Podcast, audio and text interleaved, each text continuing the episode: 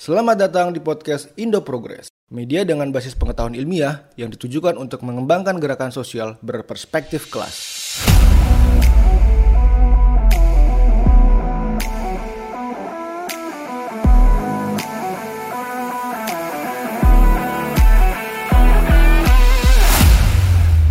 Halo semuanya, saya Astrid Permata. Selamat berjumpa kembali dalam wawancara Indo Progress TV.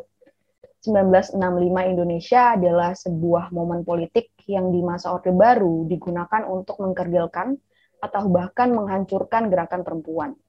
Pembantaian di masa itu telah mengorbankan banyak hal, termasuk kehidupan perempuan dan juga anak-anak.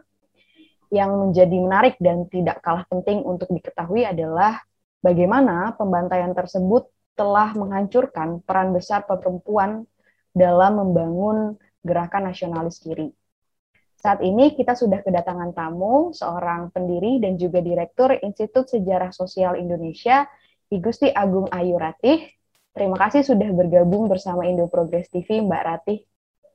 Terima kasih Astrid. Mbak Ayu, kita sudah memasuki um, bulan September, di mana tepat 56 tahun yang lalu terjadi peristiwa politik yang besar melanda Indonesia dari perspektif perempuan sebenarnya bagaimana menjelaskan peristiwa 65 itu? Oke, mungkin uh, pertama uh, saya mau apa ya koreksi dulu. Uh, biasanya di Indonesia selalu yang diperingati itu September ya. Padahal kan kalau kita uh, perhatikan kronologi peristiwa,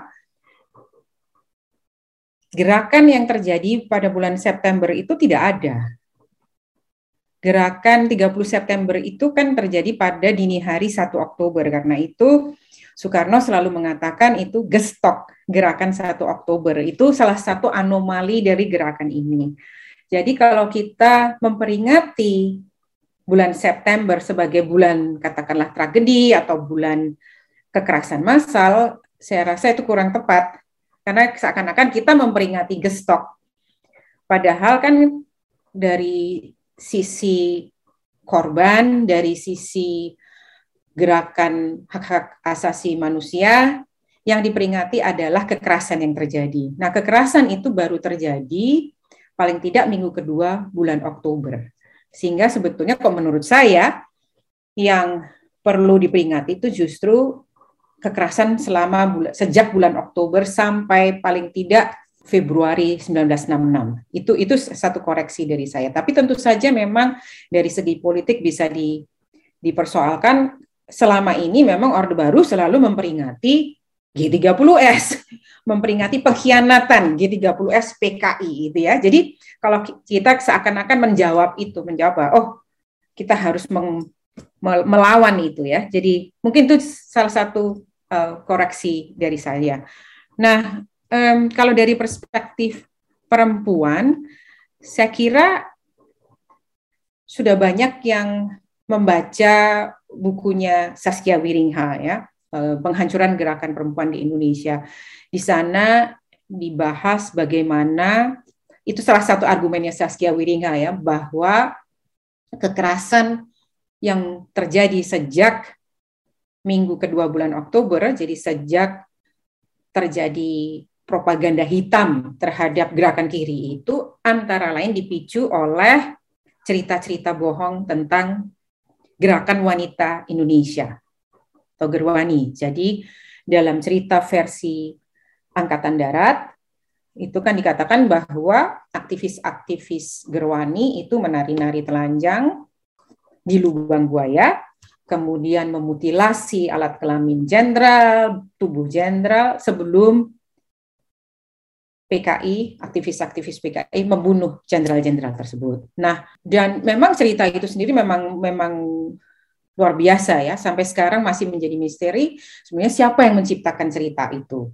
Mengapa sampai ada imajinasi yang seheboh itu ya tentang uh, perempuan itu. Dan saya juga sering mengatakan bahwa dalam sejarah Indonesia tidak pernah perempuan itu di aktivis perempuan ya, pejuang perempuan itu diburuk-burukan sedemikian rupa seperti pada tahun 65. Itu pertama kali. Jadi di zaman kolonial, di zaman Jepang, tidak ada satupun aktivis perempuan atau perempuan yang ikut berjuang itu dihina, dihujat seperti pada tahun 65. Jadi dari segi dari segi itu sih sebenarnya signifikan sekali ya cerita tentang perempuan itu, cerita tentang bagaimana cerita bagaimana seksualitas itu dipergunakan untuk menumpas gerakan kiri untuk menunjukkan bahwa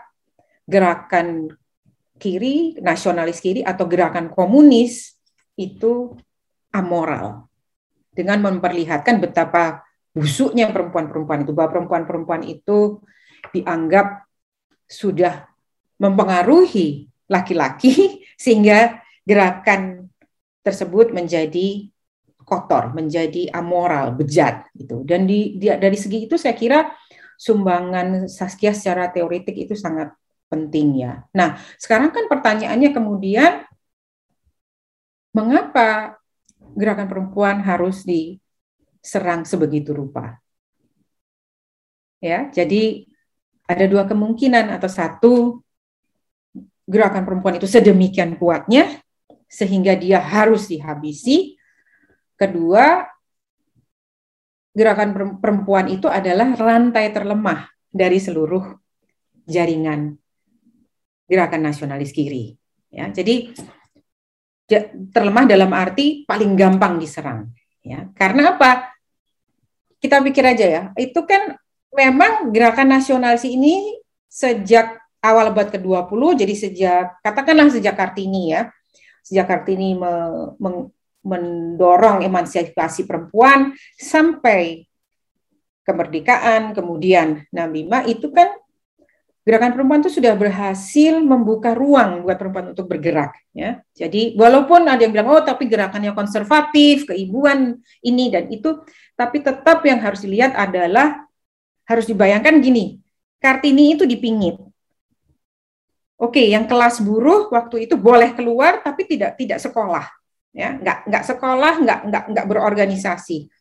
Nah, gerakan nasionalis membuka ruang itu sehingga perempuan bisa sekolah, bisa beraktivitas di ruang publik, walaupun aktivitasnya kalau ukuran kita sekarang, oh itu konservatif, tapi mereka bisa keluar. Mereka bisa melangkah keluar dari rumah dan punya justifikasi untuk bergerak di luar. Itu capaian luar biasa. Nah, um, nah ini kan, tapi kan tetap ada persoalan-persoalan seperti misalnya ada soal poligaminya Soekarno, bahwa masih ada laki-laki yang ngerasa ya oke okay deh perempuan boleh tapi mereka nggak boleh. Jadi nggak boleh ini. Oh mereka boleh di sini tapi nggak boleh di situ. Jadi tetap ruang-ruang tertentu itu tidak boleh dimasuki perempuan. Tentu saja mereka tidak bilang begitu tapi mungkin mereka bilang ah nggak mungkin lah perempuan sanggup melakukan hal itu ya. Jadi tetap ada batasan-batasan yang tidak ditentukan oleh perempuan tapi ditentukan oleh laki-laki dan perempuan menyerap itu sebagai oh ya benar juga ya gitu ya. Memang kita kan perempuan jadi nggak boleh dong kita melakukan ABCDE itu. Nah jadi dengan sendirinya dia perempuan ini menjadi sasaran empuk karena dengan gampang laki-laki yang pikirannya masih konservatif yang kalau kalau istilahnya aktivis perempuan di zaman lampau itu pikirannya masih kayak zaman Majapahit ya.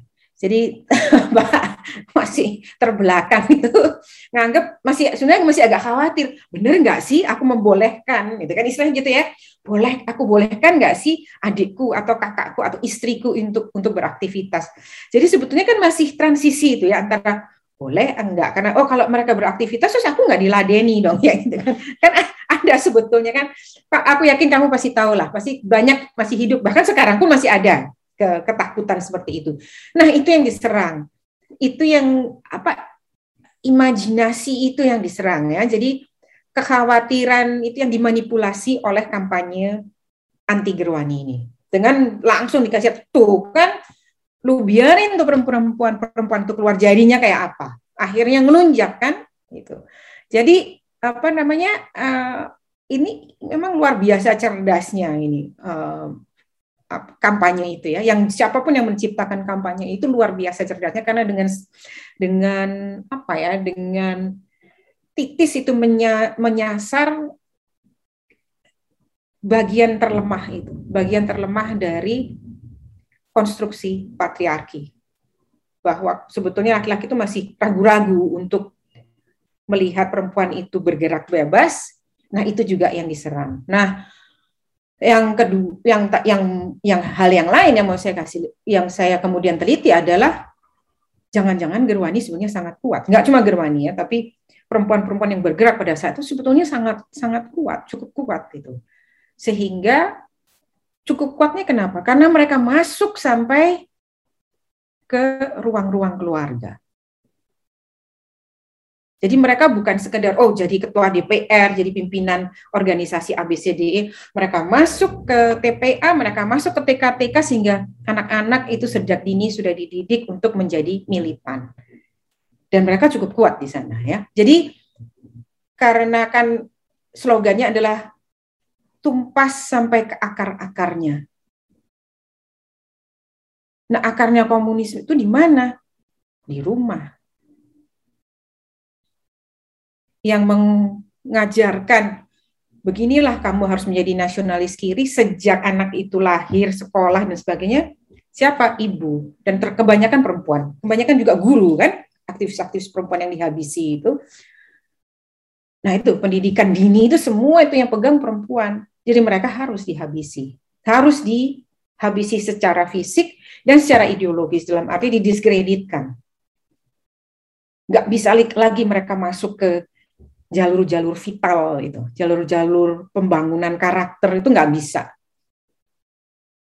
Di situlah perempuan kiri, perempuan komunis, perempuan nasionalis kiri, yang semua kemudian disebut Gerwani. Gerwani kan menjadi kayak simbol ya. Dia dia bukan lagi apakah kamu anggota Gerwani atau enggak, enggak. Pokoknya yang masuk dalam golongan sana Gerwani semua. Gerwani itu kan menjadi hujatan ya. Dia dari nama sebuah organisasi dia menjadi simbol hujatan terhadap perempuan yang aktif, yang progresif, yang radikal dan sebagainya, yang pokoknya mengcounter seluruh gagasan-gagasan utama patriarki itu. Um, jadi di sini kampanye seksualitas, politik seksualitas Orde Baru itu berhasil ya, membuat orang itu menjadi bergidik gitu ya. Bahkan aku, aku rasa sampai tahun 80-an, 90-an itu masih bergidik. Dibilang Gerwani itu langsung kayak, oh, ya kayak oh, aku aku nggak aku nggak mau dibilang feminis. Oh, aku nggak mau dibilang Gerwani. Itu ada. Sekarang sih aku rasa udah sudah terkikis itu ya, tapi generasiku masih itu. Aku rasa itu mungkin ya kalau kalau mau dianggap dari segi di, kalau mau melihat peristiwa 65 dari sudut pandang perempuan atau dari perspektif feminis maka yang paling kuat yaitu apa melihat apa sih aspek gender dari kekerasan ini apa. Ya ya itu itu itu yang yang sentral Oke, Bayu. Jadi justru Bayu melihat ada dua hal gitu ya. Kenapa kemudian gerakan uh, perempuan kiri pada saat 65 eh, itu diberangus karena mereka sangat kuat, tapi di di satu sisi pemerintah saat itu bisa apa ya menekan titik lemah begitu ya eh, asumsi-asumsi uh, dari masyarakat gitu bahwa kalau dibiarkan progresif, kalau dibiarkan radikal maka seperti ini gitu, di framing seperti itu. Nah, berbagai pemberi um, tulisan sebenarnya di Mod Indo Progress juga menyebutkan bahwa gerakan perempuan kiri saat itu tidak hanya berjuang di tingkat nasional begitu uh, tapi juga berjuang di tingkat internasional melalui uh, mereka bersolidaritas terhadap negara-negara yang saat itu sedang berjuang merebut kemerdekaan. Nah, uh, seperti apa gambaran persisnya terkait gerakan perempuan pra 65 itu, Mbak Ayu? Maksudnya yang kiri atau secara umum Yang kiri, gerakan-gerakan kiri. Yang uh, misalnya uh, Gerwani kemudian kan bersolidaritas tentang pembebasan Irian Barat gitu. Iya sebenarnya pada dasarnya kalau um, di tingkat nasional Gerwani sebetulnya kan mengikuti garis Soekarno ya. Jadi uh, itu kan kebijakan umum dari organisasi-organisasi kiri, mulai dari PKI, kemudian Yelekra, BTI, Gerwani, mereka memilih, ayo kita dukung Soekarno. Itu kan politik Nasakom yang kemudian di dalam apa namanya dalam langkah strateginya secara konkret adalah pembentukan front nasional gitu ya. Gerwani kan bagian dari front nasional. Jadi apa pun yang menjadi keputusan dari front nasional ya dijalankan oleh Gerwani. Itu sebetulnya ya. Jadi di situ saya mungkin berbeda pendapat dengan Saskia yang mengatakan bahwa Gerwani ini dipengaruhi PKI. Aku rasa ya tentu saja di, aku rasa bukan sesederhana bahwa dia dipengaruhi PKI kemudian dia menjadi komunis. Enggak. Tapi semua itu porosnya ke Soekarno. Nah, Soekarno bilang, ayo ini Nasakom, politik Nasakom, kita ganyang Malaysia, bebaskan Irian Barat, ya jalan, jalan-jalannya ke sana. Karena itu aktivis-aktivis Gerwani dan juga aktivis-aktivis perempuan yang bergabung dalam uh, Pemuda Rakyat atau BTI atau SOPSI bergabung dalam suk Sukwan Sukwati, training-training Sukwan Sukwati kan? Gitu. Jadi itu, itu kan politiknya Soekarno gitu ya. Jadi um, jadi aku sendiri ma masih belum melihat apa ya pengaruhnya katakanlah kalau misalnya secara ideologis dikatakan oh Gerwani itu komunis ya gerakan perempuan komunis aku masih ragu-ragu ya karena dari hasil uh, wawancaraku dengan sekian banyak aktivis Gerwani pemuda rakyat. Rata-rata sih mereka nasionalis kiri ya. Mereka tidak pernah ngomong ya mungkin bisa aja kita bilang mereka komunis gitu ya tapi nggak pernah mereka mengatakan oh aku berafiliasi dengan PKI itu nggak nggak banyak gitu. Buat mereka ya Gerwani itulah kendaraan untuk bergerak dan yang mereka tangani adalah persoalan-persoalan kemasyarakatan di tingkat lokal bahwa politik nasionalnya itu sejalan dengan PKI ya iya karena PKI jalannya kan Soekarno jadi itu politiknya politik nasokomnya Soekarno aja gitu, politik front nasional gitu. Jadi secara sederhana sih itu tentu tentu saja ada perbedaan-perbedaan gitu di dalam di dalam organisasi itu secara keseluruhan. Tapi secara umum saya lihat ya sudah ya politiknya gerakan kiri waktu itu ya yang memang ikut Soekarno. Dan ada yang analisis yang bilang salahnya sih kok ngikutin Soekarno gitu ya. Seharusnya gerakan kiri kan biasanya kan pilihannya atau kamu perjuta, perjuangan bersenjata, uh, biasanya kan yang tapi kan PKI memilih jalan parlementer kan dia memilih jalan parlementer dan dia memilih jalan legal dan mengikuti Soekarno jagari Soekarno itu jadi um, jadi apa agak agak apa ya agak rumit untuk melihat melihat sebetulnya ideologinya Gerwani itu apa selain nasionalis itu yang kemudian bicara tentang apa Marxisme atau apa. Ya mungkin kalau nggak salah ada yang pernah bilang bahwa Yuyut yang bilang bahwa uh, Gerwani mengikuti Clara Zetkin. Ya. Tapi aktivis-aktivis yang aku aja ngomong nggak salah pun ngomongin Clara Zetkin. Mungkin siapa Trimurti atau Umi Sarjono top-topnya itu ya. Gitu. Dan, ini sisi lain yang menarik dari Gerwani. Nanti nanti aku bisa ngomong lebih banyak. Jadi intelektualitas Gerwani itu. Jadi itu juga penting. Nah, kalau secara internasional aku kira ya hubungannya Gerwani dengan Women International Democratic Federation ya WIDF itu dan Gerwani sih aktif ya di dalam WIDF uh, kemudian juga um, ikut dalam ini kan um, perumusan konvensi ILO ya kalau nggak salah ya undang-undang perburuhan supaya buruh upah buruh perempuan dinaikkan dan sebagainya. Jadi cukup cukup cukup aktif terlibat dalam itu ya Ibu Suwarti Bintang Suradi itu yang yang aktif dalam dalam hal itu. Jadi jadi memang sih kalau dari segi itu sih sangat aktif ya. Cuma memang kan kebelakangan kemudian mereka berbeda pendapat karena posisinya WIDF itu kan pasifis ya. Mereka menolak perang. Nah, sementara kemudian Gerwani mendukung itu tadi politiknya Soekarno itu mendukung Ganyang Malaysia dan pembebasan Irian Barat yang walaupun sebenarnya tidak ada perang waktu itu ya, tapi tetap bahwa mereka mendukung suatu uh, kebijakan untuk melancarkan peperangan itu dianggap WIDF sudah berlawanan dengan semangat pasifismenya WIDF.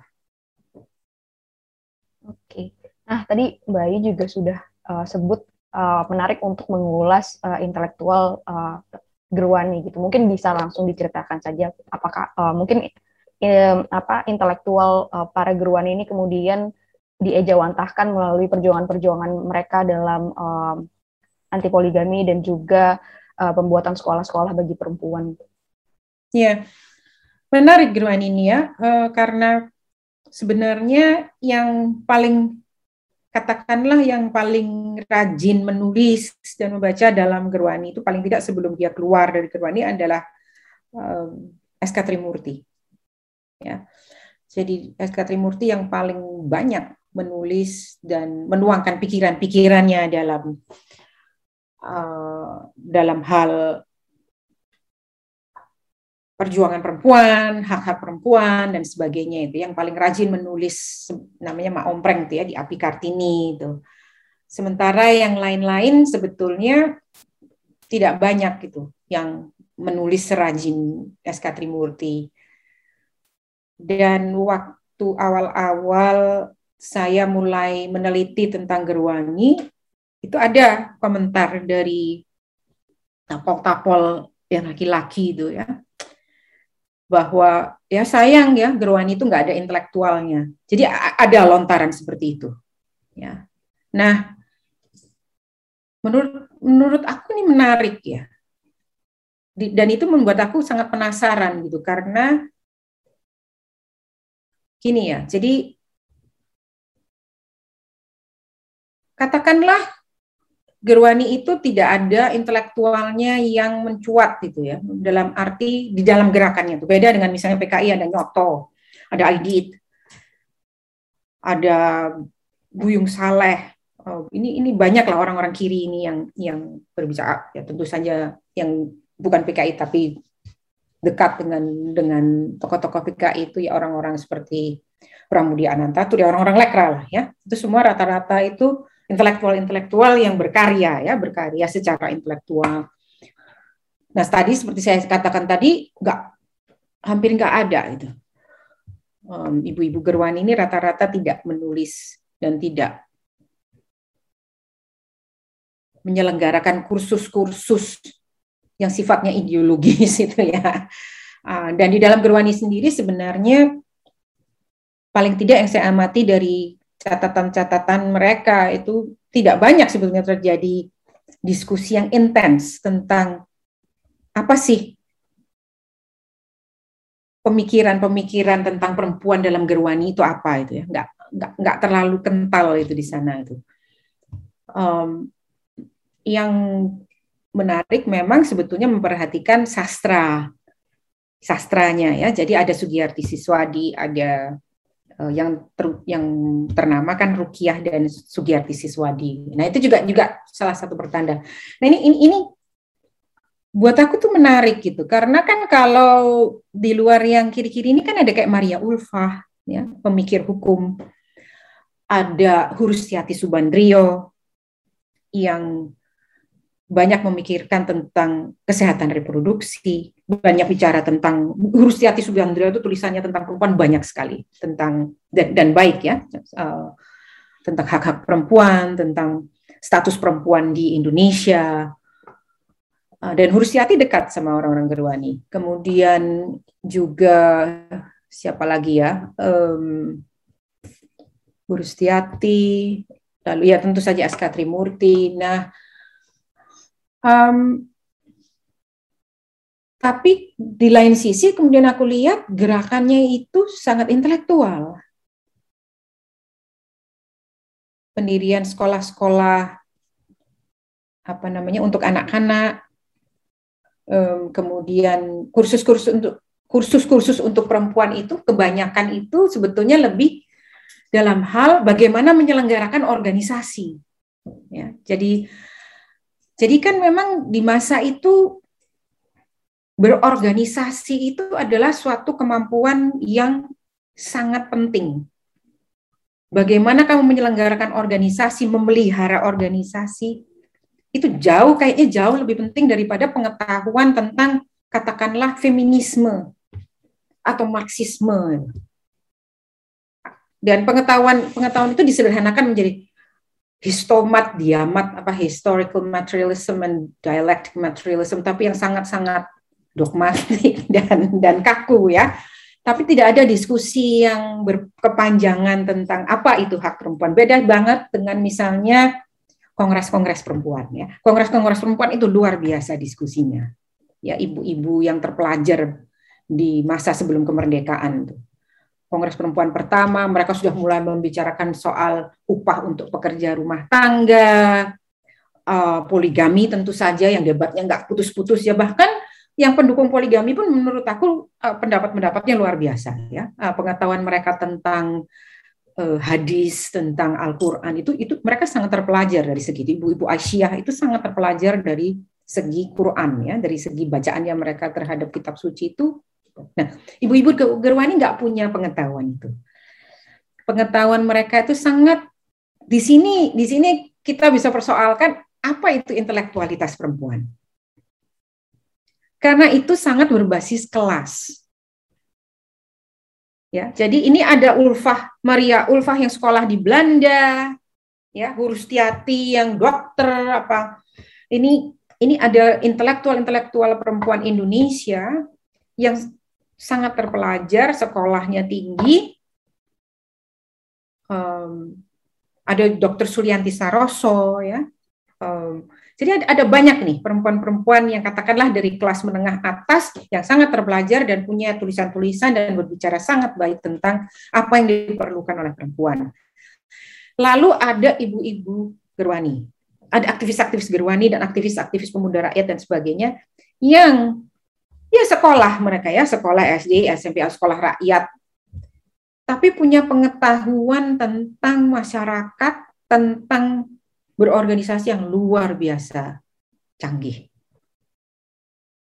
Cara mereka dari wawancara-wawancara dengan mereka tuh ya, mereka tuh bisa bicara tentang persoalan sehari-hari, kemudian menghubungkannya itu dengan komitmen kebangsaan Ya, itu, it, it, itu luar biasa itu. Jadi mereka bisa menghubungkan antara apa itu hak dan apa itu kewajiban. Ya.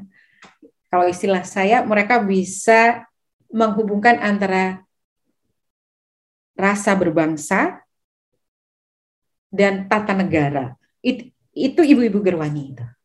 Bisa enak aja ngomong dalam dalam dalam satu nafas itu. Antara oh ya aku tentu saja aku lakukan ini. Ini kan ini kan bangsaku, aku harus mengurusnya gini gini gini dan sebagainya.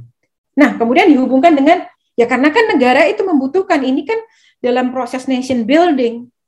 Ini sumbanganku terhadap proses pembangunan negara.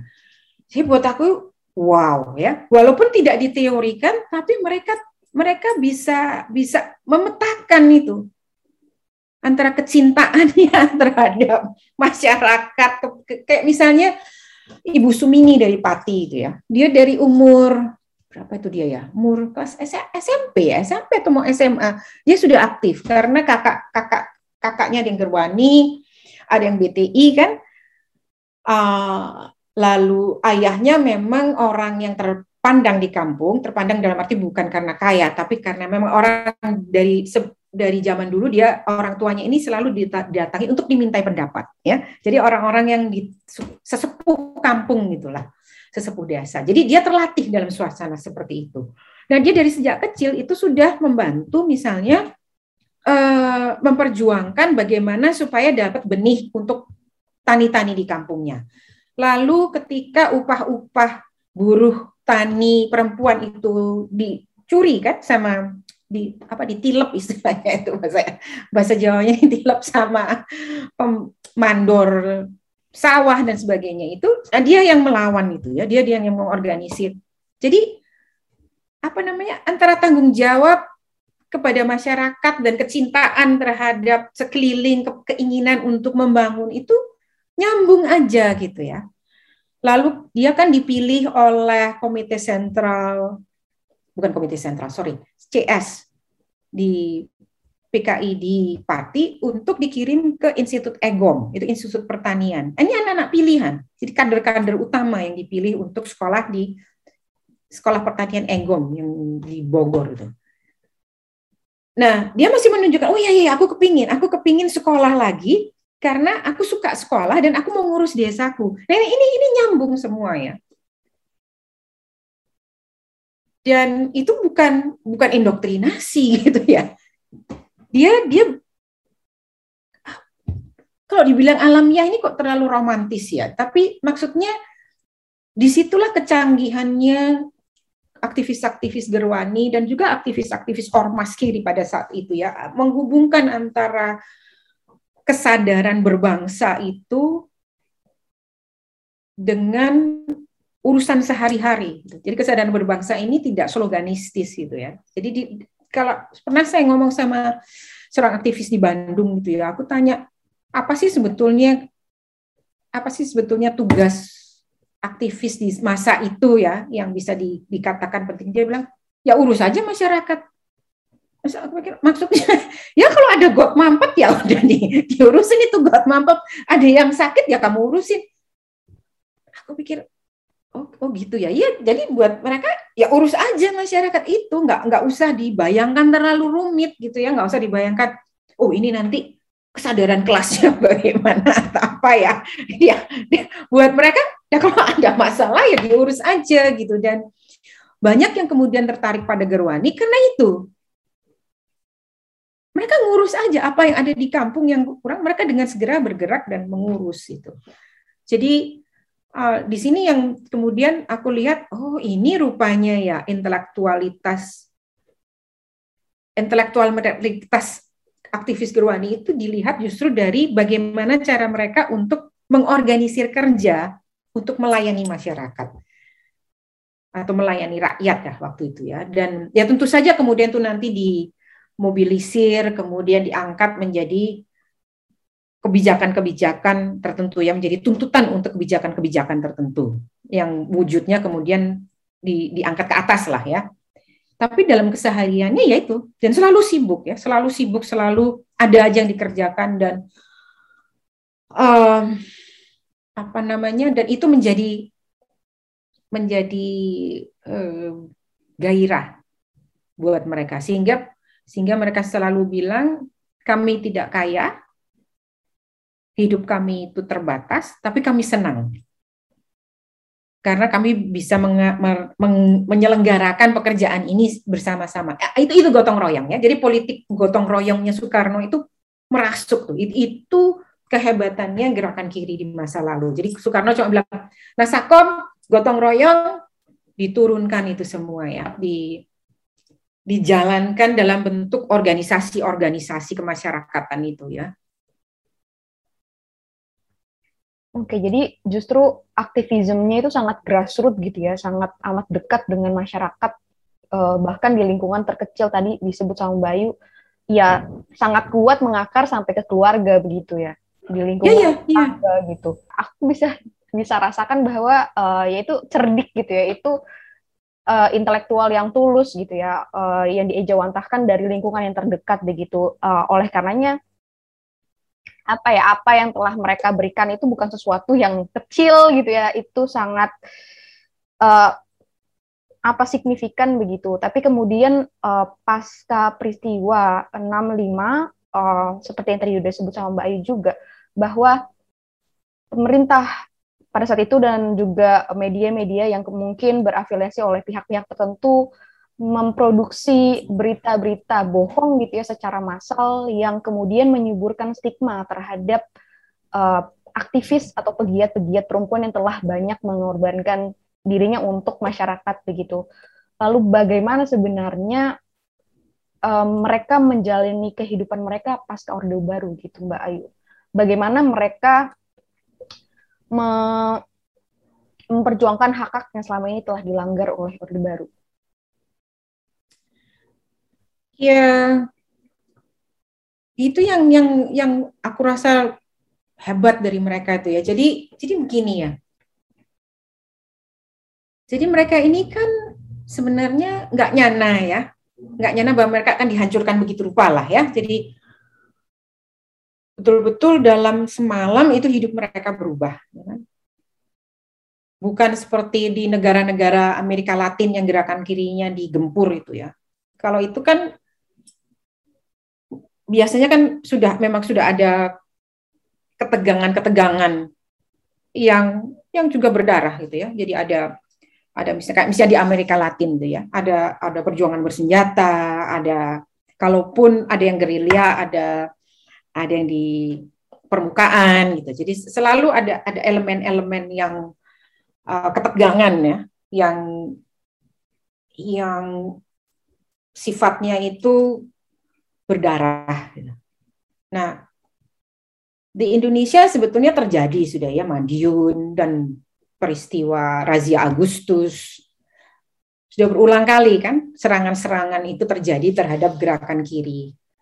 Cuma kan memang sejak karena itulah mereka kemudian memilih oke okay lah kita jalan sama Soekarno aja yang aman-aman aja gitu jadi uh, lewat parlemen dan ternyata mereka menang jadi cita-citanya memang sebetulnya oke okay lah kita akan menguasai negara mengambil kekuasaan negara tetapi lewat jalan legal jalan parlementer tidak lewat perjuangan bersenjata. Jadi walaupun ada ketegangan politik, dia dianggap oh ya ini ketegangan biasa gitu ya kayak sekarang. Oh ada partai A, ada partai B, um, pemilu.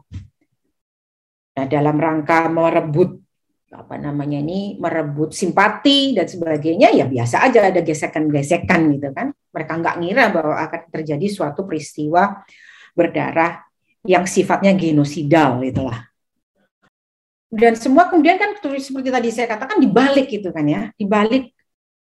Tiba-tiba mereka menjadi sampah menjadi siluman-siluman yang seakan-akan tidak berakar pada sejarah ya kan?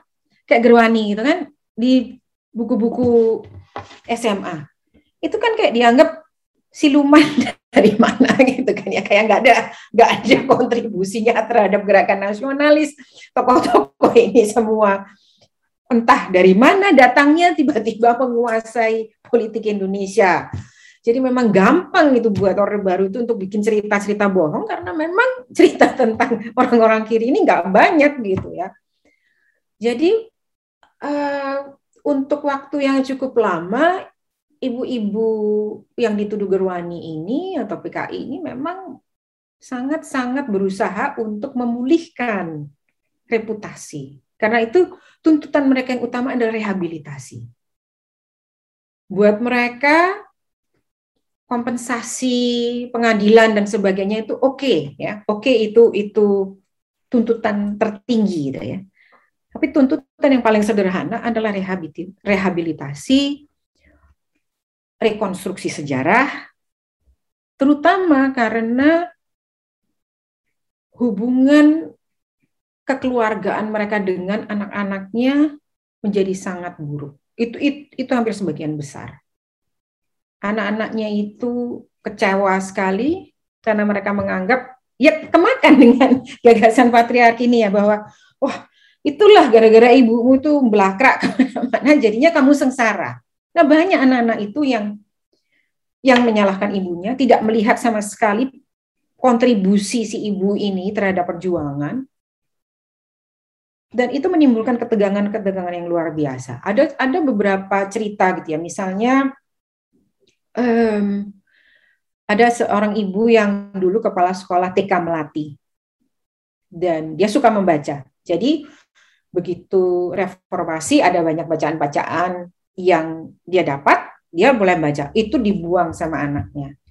Terus kan mulai ada pertemuan-pertemuan ya, pertemuan-pertemuan antar uh, penyintas, ibunya tidak ibu si anak itu melarang si ibu itu pergi sampai dikunciin di kamar.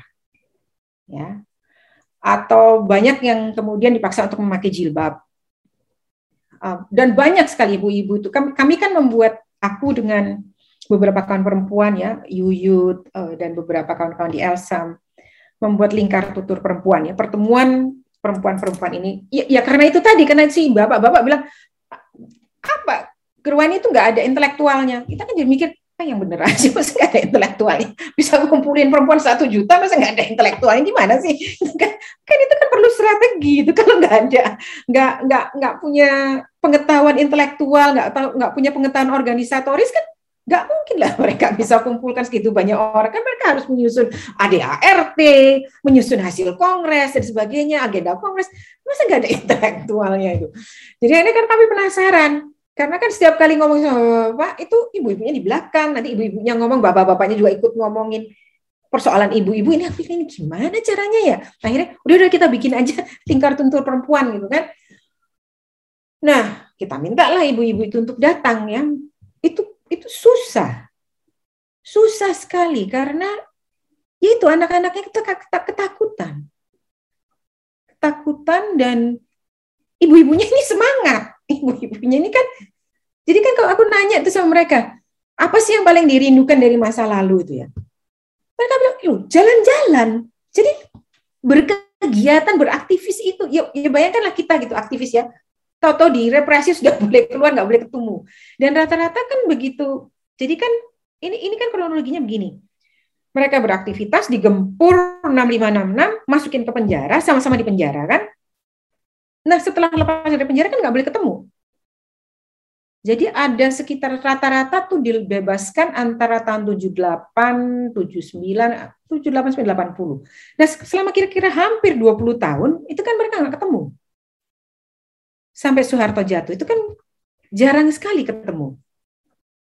Karena harus wajib lapor, nggak boleh kumpul, nanti dicurigai, apa segala macam. Jadi mereka nggak ketemu siapa pun, terus hidup dengan keluarganya yang memusuhi mereka, yang menghujat mereka dan sebagainya. Jadi begitu reformasi, waduh itu kayak kayak kuda dilepas dari kandang. Mereka berusaha sekali ketemu untuk apa pun, arisan. Terus waktu ada logika kartu perempuan mereka langsung buat ya dan itu mereka itu luar biasa mengorganisir ya kami kan cuma bilang oh kami mau bikin pertemuan perempuan. Pertemuan pertama itu langsung 60 orang datang dengan ya ampun dan tersedia semua makanan. Itu siap kita tuh sampai oh my god. It's, jadi nah dan di situ aku lihat hm, ini bapak-bapak nih ya kayak apa ya maksudnya bilang mereka ini ada intelek ada intelektualnya orang bisa mengorganisir aku aja nggak bisa mengorganisir kayak gitu ya mereka tuh bisa tapi tapi itulah, itu satu ya. Jadi gairahnya untuk berkumpul, untuk belajar lagi itu tetap ada. Nah, yang menarik adalah komitmennya dalam berbangsa itu tidak surut. Menarik dan mengharukan.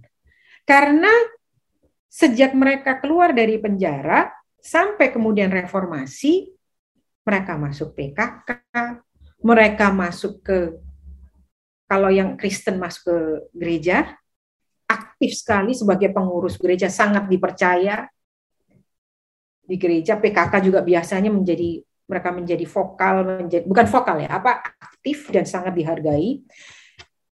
Dan kalau yang Muslim mereka ya masuklah majelis taklim lah apalah segala macam organisasi keagamaan itu di Bali mereka juga aktif di Banjar segala macam dan mereka berusaha membuktikan bahwa aku orang yang berguna untuk masyarakat. Itu itu, itu nggak hilang. Dan akhirnya mereka menjadi tokoh-tokoh di masyarakat itu, menjadi orang yang disegani, yang dipercaya. Jadi etos itu ya. Jadi yang berhasil dibangun oleh Gerwani dari masa sebelum 65 itu etos itu, etos kebangsaan, etos kesetiaan terhadap rakyat itu itu nggak nggak surut ya.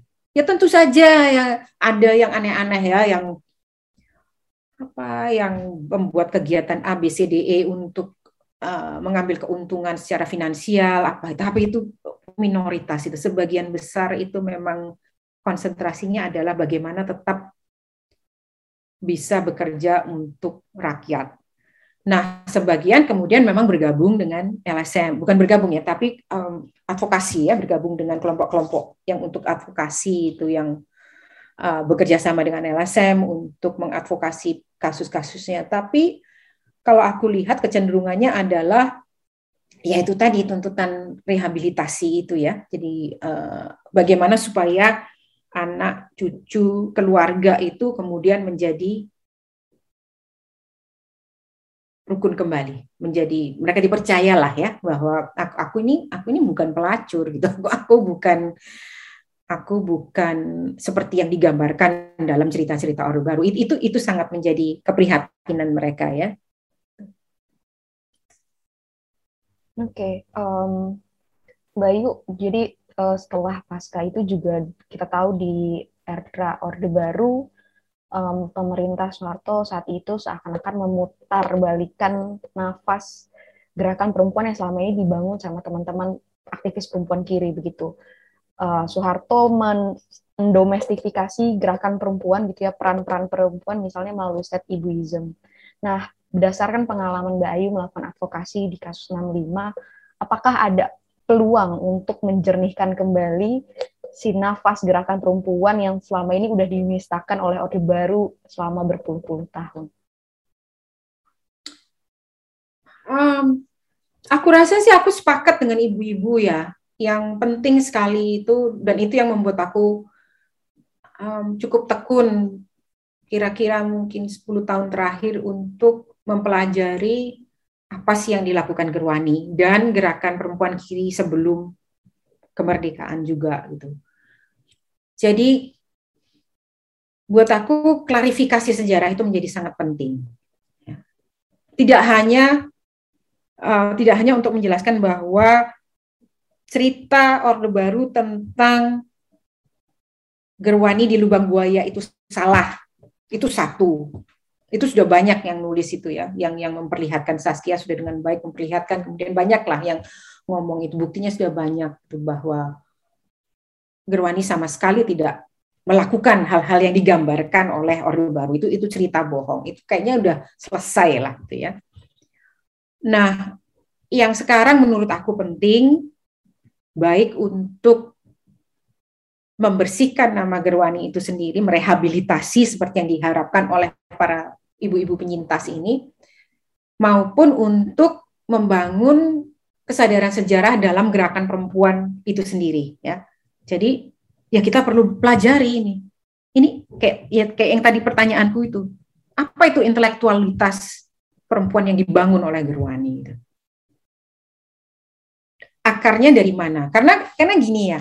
Yang menarik itu gini, seperti tadi aku bilang ya. Kalau yang ibu-ibu yang tidak masuk dalam gerakan kiri, bukan menjadi itu kita bisa lacak, kita bisa lacak sampai ke katakanlah Kongres Perempuan ya. Jadi misalnya uh, Sukanti Suracondro, Suyatin Karitowiyono, Maria Ulfa, kemudian SK Trimurti, ya satu-satunya dari Gerwani yang bisa dilacak sampai ke belakang itu hanya SK Trimurti. Tapi yang lain-lain ya kayak misalnya Ibu Umi Sarjono, Kartina Kurdi, lalu um, Nyonya Mudik, Ibu Mudikdo, ya, Suwarti Bintang Suwar, Bintang Suradi, ya, Setiasti Surasto itu ini banyak ini ibu-ibu yang berperan sangat penting di Gerwani Ibu Trismeti, tapi nggak terlacak itu sampai ke belakang. Tahu-tahu mereka sudah jadi anggota DPR, tahu-tahu mereka sudah bikin Gerwani, Gerwis lalu Gerwani ya. Loh, mereka ini loh dari mana mereka ini? Ya, kita tahu Ranggayu Rasuna Said, Rohana Kudus, um, Suwarni Pringgodigdo, ya kan? Jadi ada ada banyak sekali yang yang perempuan gerakan perempuan yang Islam maupun yang sekuler non kiri itu yang bisa dilacak gitu. Tapi yang mendirikan Gerwani ini nggak banyak yang bisa dilacak.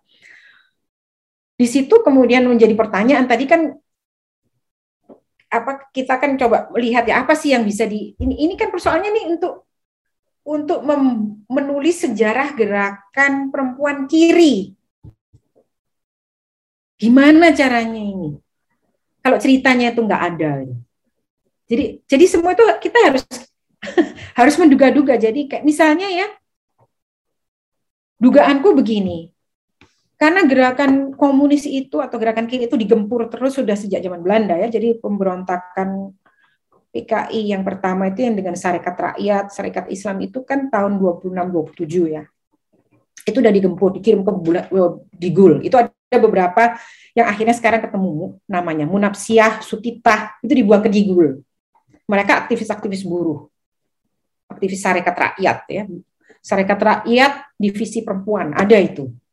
Tapi nggak nggak tahu ini dua orang ini dan teman-teman yang lain tuh dari mana kita nggak tahu. Dugaanku mereka aktivis serikat buruh. Gitu. Nah, serikat buruh yang besar yang banyak perempuan yang waktu itu ada serikat serikat buruh batik. Jadi ada kemungkinan mereka dari serikat buruh batik. Itu satu. Nah, um, lalu tap, tapi terus ya itu terus selain itu nggak ada lagi informasi di tahun 30-an itu pada ke mana itu aktivis-aktivis kiri itu. Nah, dugaanku adalah karena represi terhadap gerakan komunis ini begitu besar, mereka semua itu underground. Ya, jadi mereka bergerak di serikat-serikat guru atau guru ya, banyak juga yang jadi guru kan ya, menjadi guru um, atau di perkebunan-perkebunan teh, tembakau juga banyak perempuannya itu. Jadi mereka bertebaran itu di sana. Nah, tugas kita sekarang kalau kita mau semacam membangun kembali gitu pemahaman tentang katakanlah gerakan feminis kiri ya, ya harus lacak itu semua. Mungkin dari bahan-bahan yang tidak spesifik bicara tentang perempuan, tapi dibongkar ya. Dari dan dan bisa lokal-lokal juga ya. Kita lihat misalnya di Solo, basis-basis merah itu ya. Lihat-lihat lagi tuh. Jawa Tengah, eh, Sumatera Utara, perkebunan tuh. Untuk untuk untuk melacak ini. Sebenarnya perempuan-perempuan ini dari mana? Perempuan-perempuan kiri yang kemudian membentuk gerwis lalu membentuk gerwani. Itu itu dari mana? Karena kalau nggak gitu kita nggak nggak bakalan tahu gitu. Uh, bukan berarti aku mengesampingkan capaian dari aktivis-aktivis perempuan yang selama ini kita kenal ya nggak itu juga penting. Tapi itu sudah banyak catatan mulai dari kartini sampai um, ibu-ibu Koani yang memimpin Koani sampai tahun 65 ini, ini intelektualnya banyak sekali dan catatannya sangat banyak. Dan itu perlu dipelajari. Tapi aku rasa perlu dipelajari juga gerakan yang dibangun oleh ibu-ibu ini sehingga ketika mereka buat gerwani dan gerbis kaki-kakinya itu udah ada gitu. It, itu sebetulnya. Jadi kita kita nggak cuma uh, berasumsi bahwa oh ya sudah ada jadi Gerwani bangun wah hebat sekali dalam sekejap itu dalam dua tahun kan itu. Tak sudah kebangun itu cabang-cabang di sekian hampir di seluruh Indonesia. Anggotanya terakhir katanya 1,7 juta. Ya ampun itu dalam 10 tahun. Itu gimana caranya? Nah berarti mereka udah punya kaki-kaki gitu kan? Nah itu yang harus dipelajari mungkin nggak nggak gampang tapi kalau aku rasa kalau ada sejarah-sejarah lokal yang bisa pelajari itu dengan sendirinya kita bisa temukan itu ya sisa-sisa laskar panjang itu. Itu sih. Oke, jadi tidak terekam gitu ya, uh, atau missing sempat mi missing gitu ya, Mbak Mbak Ayu. Iya, karena dua soal ya. Jadi soal pertama adalah mereka perempuan, dan memang catatan tentang perempuan dalam sejarah Indonesia itu sedikit sekali, arsipnya sedikit, uh, kemudian perempuan memang tidak banyak menulis dan bicara karena rata-rata mereka tidak terdidik seperti aktivis-aktivis yang laki-laki. Dan kalaupun mereka katakanlah bergabung dengan organisasi-organisasi yang dipimpin oleh laki-laki biasanya mereka kan bagian apa sekretaris bendahara itu kan?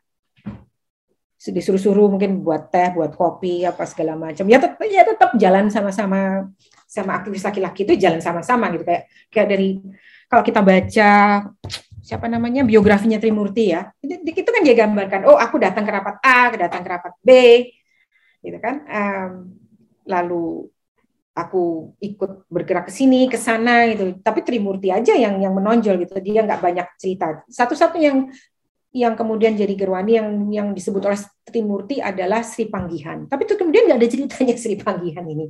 Kemudian Trimurti buat barisan buruh wanita kan.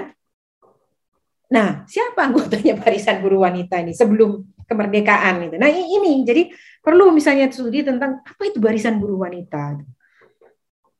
Aku juga belum pernah ketemu itu arsip-arsipnya, tapi mungkin bisa dicari di eh, di tempat lokal itu ya. Agak agak sulit memang ya, karena ya itu arsipnya itu terbatas karena perempuan, kedua kiri lagi. Nah, apa artinya kiri? Berarti mereka dari kelas bawah. Berarti mereka dari uh, working class yang mungkin ya nggak nulis memang.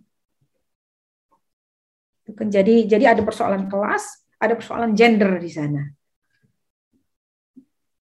apakah mungkin juga Mbak Ayu uh, karena pemberangusan massal dokumen-dokumen dan juga tulisan tulisan-tulisan tentang kiri sehingga mungkin ada beberapa keluarga yang kemudian membakar juga ikut membakar atau? Sangat bisa terjadi itu. Uh, banyak keluarga yang kemudian ya buang aja dokumentasi itu kan. Cuma memang kan kalau aku dengar dari hasil wawancara dengan ibu-ibu itu um, rata-rata kan memang gerakan yang mereka bangun ini katakanlah gerakan tanpa kertas ya. Kayak bikin tempat penitipan anak gitu kan. Atau membantu buruh yang mengalami kekerasan seksual itu kan nggak kayak aktivis LSM sekarang oh ya dicatat dokumentasi. Kayaknya nggak gitu itu ya. Nggak tangkapanku ya, aku mungkin salah. Karena dari dokumen yang ada itu mereka biasanya catatan rapat, itu kan absensi, terus uh, siapa anggota yang sudah diundang, kayak gitu-gitu. Itu habis itu terus hasil kongres gitu. Tapi yang sehari-hari gitu nggak ada tuh kayaknya yang apa catatan kronologi kasus itu nggak ada ya. Kalau kalau sekarang kan LSM Roman lengkap ya kayak gitu ya. Kronologi kasus apa kok aku belum pernah ketemu apa apa mungkin dibakar dibuang waktu Gerwani digerebek ada ada kemungkinan itu gitu ya. Um, bisa jadi gitu. Tapi kalau dari pembicaraan dengan ibu-ibu ini kok aku nggak dapat kesan bahwa mereka nyatet-nyatet kayak gitu ya. Dari dari dari situ aku memang curiga memang ya gerakannya memang gerakan tanpa kertas gitu. Omong-omong aja. Malah ceritanya itu kan gini aku tanya lu dulu kalau misalnya ada kasus-kasus kekerasan gitu, bagaimana caranya menangani misalnya ya? Mereka ya ini kumpul di rumahnya Bu. Siapa? Itu nongkrong di dapur itu ngobrol-ngobrol oh ya siapa yang berangkat? Oh jangan berangkat aja. Berangkat itu nanti ada bencana alam gimana berangkat. Gitu ya menggalang apa. Jadi nggak nggak ada catatan-catatan gitu. Jadi wah repot juga karena itu aku tadi kembali ke pertanyaanku semula gitu apa sih intelektualitas perempuan itu? Apakah memang kalau nggak ada catatannya terus terus nggak bisa nggak bisa disebut intelektual gitu. Nah tapi kan sekarang tugas kita kan membangun pengetahuan itu ya. Karena kalau nggak kan apa feminisme Indonesia itu apa? Ayo, ayo coba. Sekarang kalau kalau misalnya kita diskusi gitu kan, paling-paling teman-teman nyebut siapa? Kartini, Rohana Kudus ya, mbak penting gitu. Tapi feminis kiri Indonesia mana? Catatannya mana? Ya kan nggak nggak ada rumusan tentang feminisme Indonesia itu aku belum belum belum lihat gitu. Belum belum pernah ada. Dan itu itu tugas tugas kita gitu untuk membangun pemahaman tentang apa itu feminisme Indonesia. Dan dia bukan berarti tidak berubah ya karena feminisme yang kita pelajari sekarang dia lahir dari gerakan feminis yang sebelumnya kan Kayak misalnya ya, tadi kan aku bilang ya, Girwani itu dihancurkan karena kemungkin, dua kemungkinan. Satu mereka sangat kuat, tapi yang kedua karena masyarakat yang patriarki itu masih lemah dalam membangun perspektif feminis. Ya. Jadi dengan gampang mereka dikatakanlah dikasih hoax sedikit udah wah langsung kena gitu ya. Jadi masih masih belum kukuh gitu mempercayai bahwa oke okay, perempuan itu setara dengan kita dan kita ayo kita jalan sama-sama. Itu, itu belum kukuh gitu. Sehingga sedikit aja dikasih lihat bahwa tuh kan gue bilang juga apa lu lepasin tuh perempuan jadi deh kayak gini. Oh, langsung panik gitu kan langsung oh iya benar juga ya menjadi kuntilanak dan segala macam seluruh gagasan dan jangan cepat itu dibalik menjadi state ibuism itu. Walaupun sebenarnya tradisi perempuan keluar, bekerja, berkegiatan itu kan dari zaman Mataram juga Roro Mendut itu juga sudah di luar gitu kan, tapi terus kena satu gestok dalam ah! Perempuan jana bejat dan sebagainya. Roro Mendut rokok-rokok. Dari abad berapa itu? Tenang aja. Ada Ratu Kali Nyamat ada Nyi Ageng Serang ada Kemala Hayati. Apa? Perempuan bertebaran di mana-mana jadi pemimpin Tribuana Tunggadewi apa segala macam terus panik gitu kan langsung itu kan ada kepanikan gitu karena disentuh sedikit aja itu nah tapi kembali lagi jadi ya Nah, kekuatan yang Gerwani menurut aku ya, ini ini yang nanti harus harus aku seperti buktikan gitu. Itu tadi jadi dia berhasil membangun menghubungkan antara uh, rasa berbangsa itu dengan pengetahuan ketatanegaraan. Dan itu menurut aku itu adalah satu uh, upaya membangun semacam basis teoretik untuk gerakan feminis di Indonesia itu ya Nah, selain itu yang aku juga lihat penting adalah mereka kan sangat percaya dengan gerakan massa, ya. Jadi uh, nggak nggak penting lah. Itu kan kalau, kalau, kalau kamu perhatikan ya, kalau kamu pelajari bukunya Saskia itu kan ada perubahan dari gerwis ke gerwani, ya kan? Gerakan wanita istri sedar. Sasarannya adalah mereka yang sudah politically conscious, ya sudah sadar. Nah, mereka ibu-ibu yang lainnya mungkin hmm, nggak bisa nih.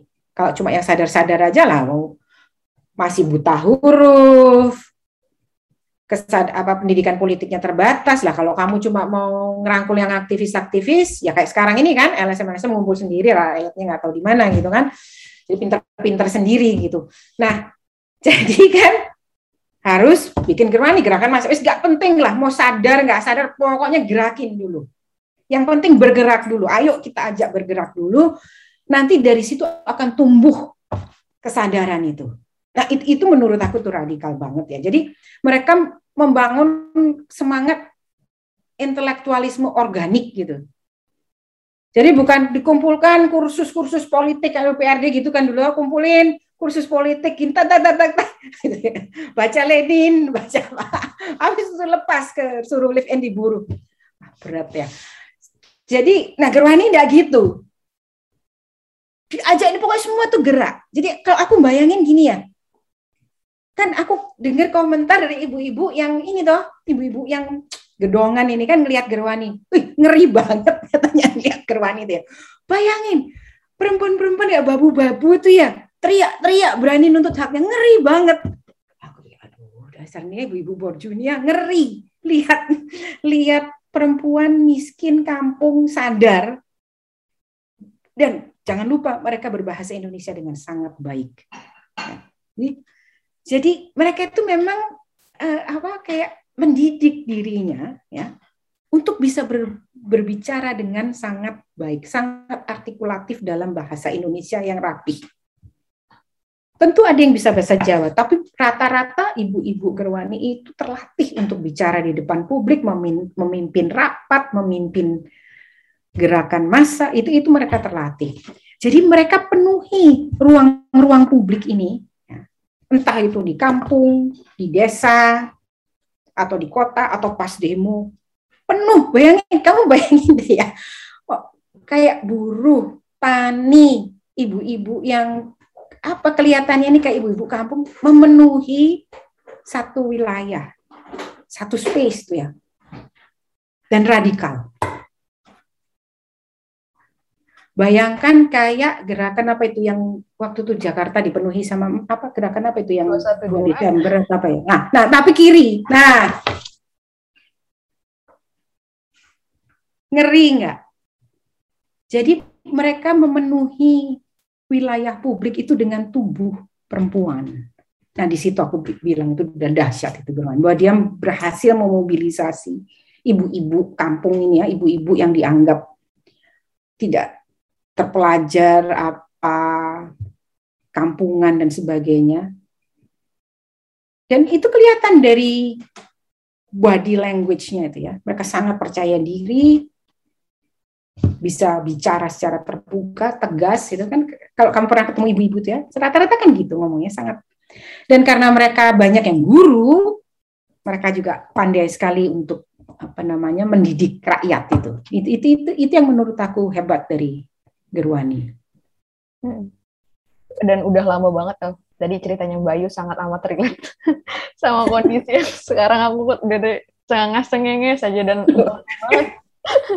nggak melihat itu gitu, nggak melihat apa ya jalanan dibanjiri masa yang isinya perempuan gitu dan ibu-ibu gitu eh, nggak uh, tahu sepanjang hidupku aku belum lihat gitu hmm, kecuali misalnya satu Mei gitu tapi itu juga apa ya ya ya benar gitu dan ini mungkin um, lead ke pertanyaan aku terakhir uh, Bayu hmm. bahwa sebenarnya kita di masa sekarang gitu ya generasi aku punya keistimewaan uh, akses terhadap internet dan juga dunia digital di mana banyak sekali sebenarnya informasi yang bisa kita akses yang di provide gitu ya di dalam maupun di luar terkait gagasan kiri dan juga gagasan feminisme kiri gitu. Um, tapi di saat yang bersamaan juga kita dibombardir oleh eh, narasi-narasi uh, yang konservatis gitu ya, konservatisme gitu.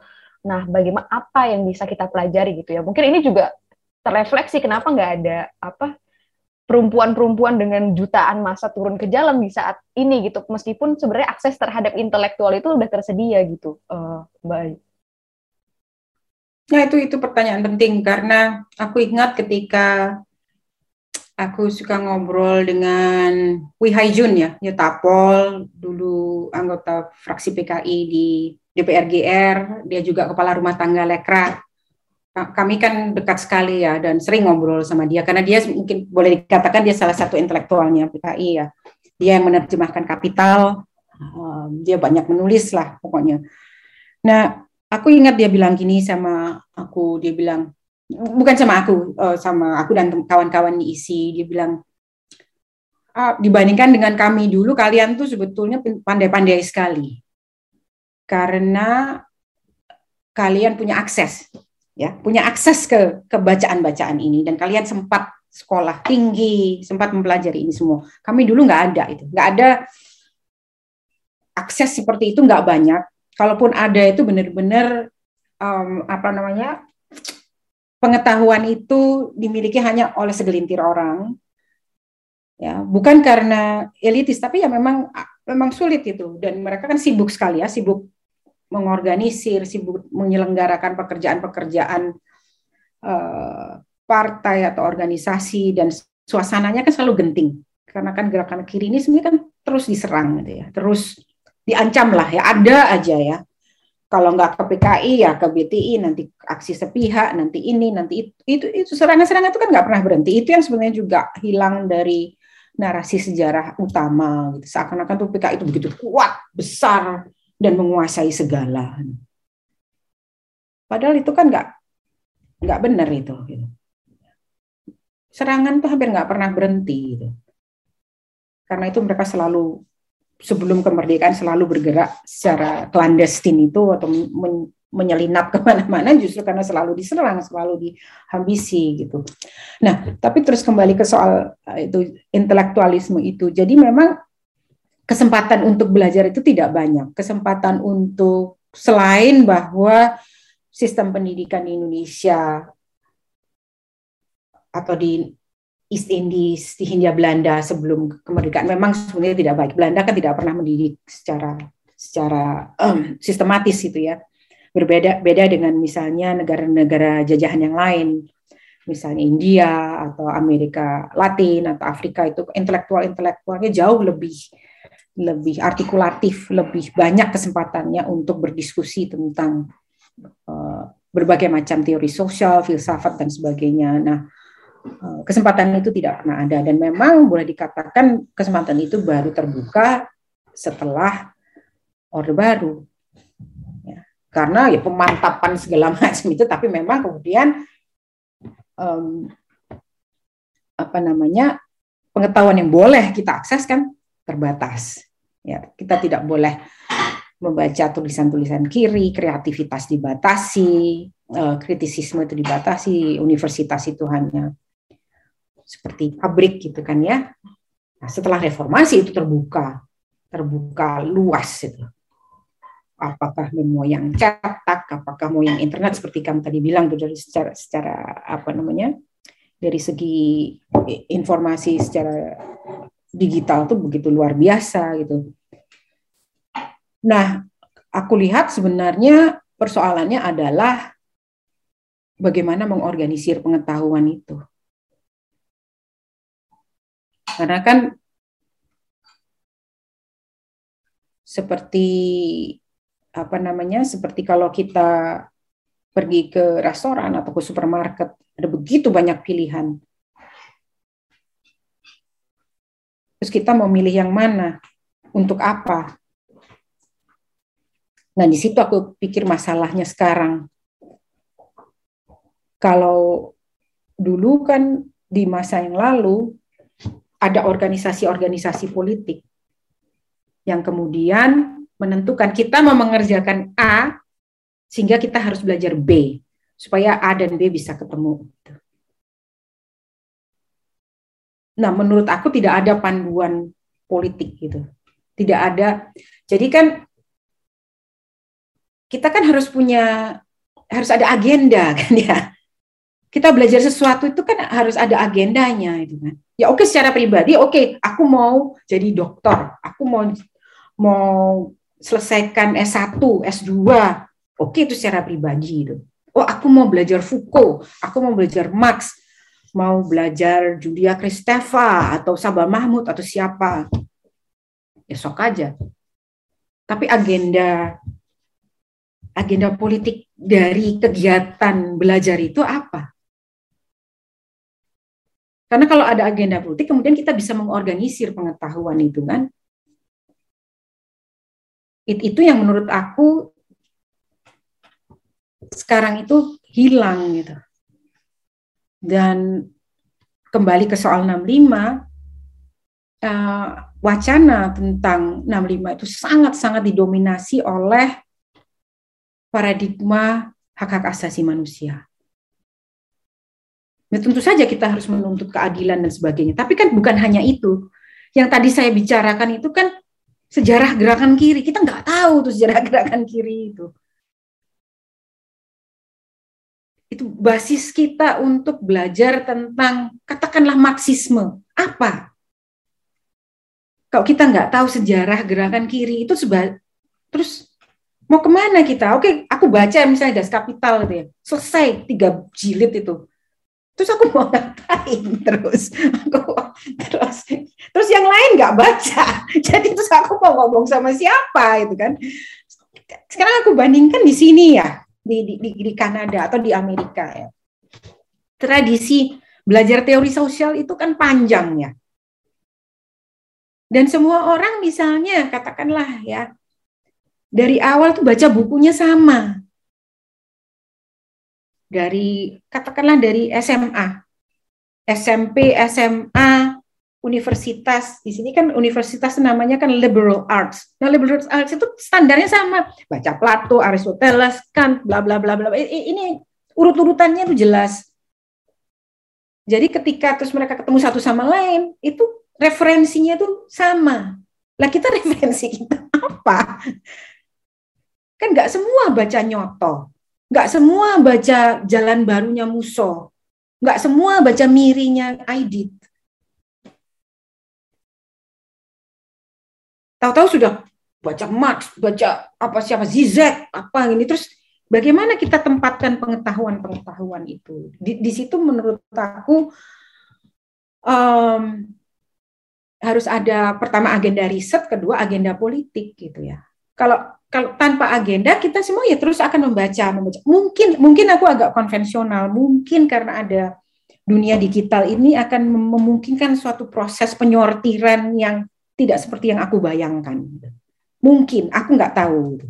Tapi kalau dari pengalamanku selama ini aku belajar di uh, Amerika dan juga di Kanada aku melihat itu ada satu pola. Jadi kayak kayak misalnya di Indonesia ah, paket belajar A, paket belajar B ya. Nah, gerakan kiri harus punya itu.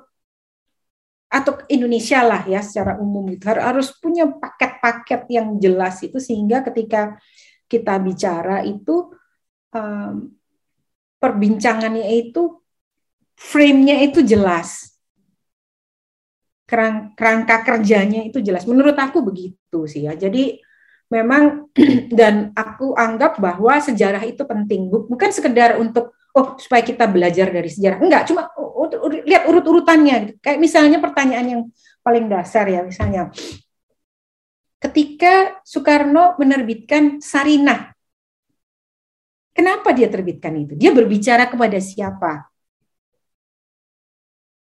Buku itu ditujukan untuk siapa dan berbicara kepada siapa? Apakah dia merespon kepada sesuatu? Itu kan kalau kalau tradisi belajar di sini kan begitu ya. Jadi kayak, kayak misalnya Marx, Marx kan, Marx kan menanggapi Adam Smith, kan pemikir-pemikir ekonom-ekonom neoklasik yang sebelumnya gitu kan ya. Jadi dia kan Ricardo gitu kan, dia kan menjawab itu kan.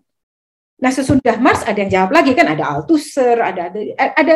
Jadi kita lihat urut-urutannya itu. Nah Indonesia nggak ada itu urut-urutan itu maksudnya kita belum buat ya, bukan nggak ada. Kita kita tradisi ilmu sosial kita belum membuat urut-urutan itu untuk melihat oh, sebetulnya kita tuh menjawab siapa, sebetulnya kita menanggapi siapa. Gitu. Dan, dan dari segi feminisme aku juga melihat begitu. Ada Kartini lalu lompat ke tahun 80-an. Loh, lah antara 1900 sampai tahun 1980 tahun itu isinya apa? Itu yang kita harus isi. Menurut aku begitu. Jadi kalau kita nggak nggak menekuni itu aku rasa akan sulit untuk membangun pemahaman yang utuh tentang uh, ilmu sosial perkembangan ilmu sosial atau humaniora di Indonesia. Dan dan akan terus terjebak dalam pembicaraan tentang uh, 65 ini akan terus terkungkung dalam posisi dalam diskusi tentang siapa korban, siapa pelaku, siapa korban, siapa terus saja di sana ya. Sementara ada persoalan lebih besar. Ya, yang dihancurkan ini kan bukan hanya orang, tapi gagasan, ya kan? Cita-cita, gagasan gitu. Nah, bagaimana kita apa istilahnya dalam bahasa Indonesia? Resurrect itu ya. Menyelamatkan kembali gagasan dan cita-cita ini. Bagaimana kita membangun kembali. Itu kan itu kan hanya hanya bisa dibangun kalau kita pelajari juga apa sih cita-cita dan gagasan mereka gitu. Ya, tentu ada oh ya menuju sosialisme Indonesia jadi. Oke, apa itu sosialisme Indonesia? Iya kan? Jadi kan nanti kan pertanyaannya kan ke sana ya. Apa sih yang dibayangkan oleh pemikir-pemikir di masa lalu tentang sosialisme Indonesia? Gitu. Oke, um, kalau bisa aku, ini sebenarnya banyak banget ya yang bisa disimpulkan, tapi uh, intinya adalah sebenarnya bukan hanya tentang menyerap uh, informasi-informasi kemudian ada di sini gitu ya, um, Bayu, tapi juga tentang bagaimana itu menjadi sebuah agenda politik yang terorganisir dan juga ide dan gagasan itu nggak hanya teoritis sifatnya, tapi juga dieja, mungkin diejawantahkan ke dalam praktik-praktik uh, sekecil apa pun gitu ya yang sebagaimana udah dicontohkan sama uh, pegiat-pegiat perempuan uh, kiri di sebelum 65 gitu. Mereka mampu menyalurkan gagasan idenya dalam bentuk praktik-praktik yang kecil tapi sangat amat fundamental begitu. Mungkin kalau gitu kita sudah sampai di penghujung acara. Terima kasih Mbak Ayu sudah mau berbagi. Semoga bisa terus ngobrol sama Mbak Ayu nanti di lain kesempatan karena menarik banget um, perbincangannya kali ini. Tapi karena waktunya yang terbatas maka kita harus sudahi. Um, demikianlah wawancara Indo Progress kali ini. Semoga bermanfaat buat teman-teman semua. Uh, saya Astrid Permeta sampai berjumpa kembali di lain kesempatan. Salam.